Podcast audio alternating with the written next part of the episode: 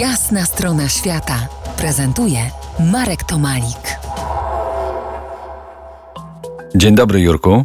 Dzień dobry. Na prośbę słuchaczy powraca słynny kapitan. Moim gościem Jerzy Wąsowicz, żeglarz, którego cały czas zaciekawia świat i ludzie na morzach i oceanach ponad pół wieku. Od trzech dekad kapitan na pokładzie bałtyckiego kutra przerobionego na żaglowiec. Autor książki Antika spełnione marzenia sześć lat na oceanach.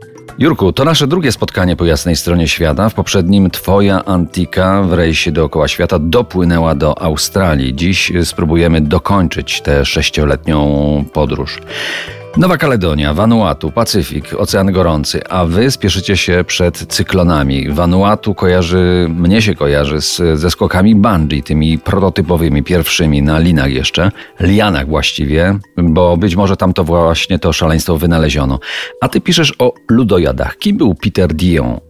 To był tak zwany łotr Pacyfiku, jak go pan Wolniewicz określił. Człowiek, który zajmował się handlem drewnem sandałowym, ale to drewno po prostu wykradał z tych wysp. Mało tego, wykradał również krajowców, którzy, których zatrudniano na, na plantacjach na innych wyspach lub też po prostu zjadano.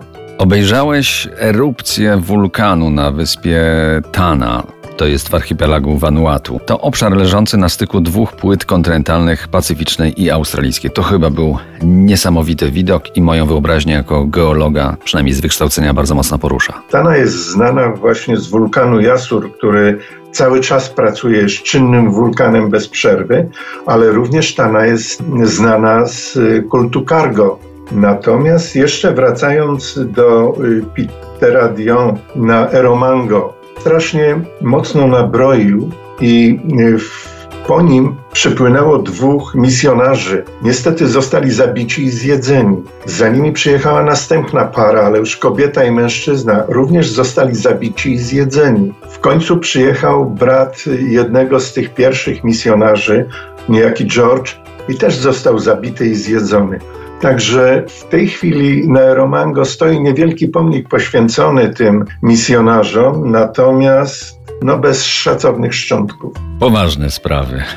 Y, w 1942 roku, tutaj wspomniałeś o kulcie cargo, wylądował y, tam samolot transportowy, wojskowy, który na wiele lat odmienił życie wyspy. To jest opowieść o tym, jak rodzi się religia, rodzi się, no właśnie, z czego? Z marzeń. Tak, wylądował John Frun, jak cały samolot duży był wypełniony, wypełniony dobrem. Niestety wylądował przymusowo i już tam nie, stamtąd nie odleciał.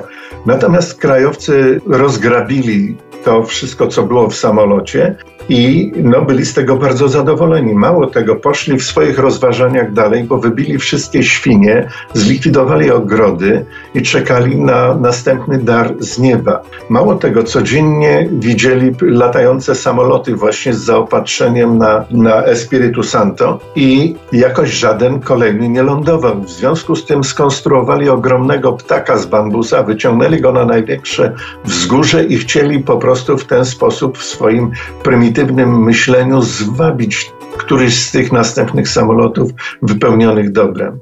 No ale pewnie się nie udało. Za kilkanaście minut wrócimy na wody Pacyfiku. Zostańcie z nami. To jest jasna strona świata w RMS Classic.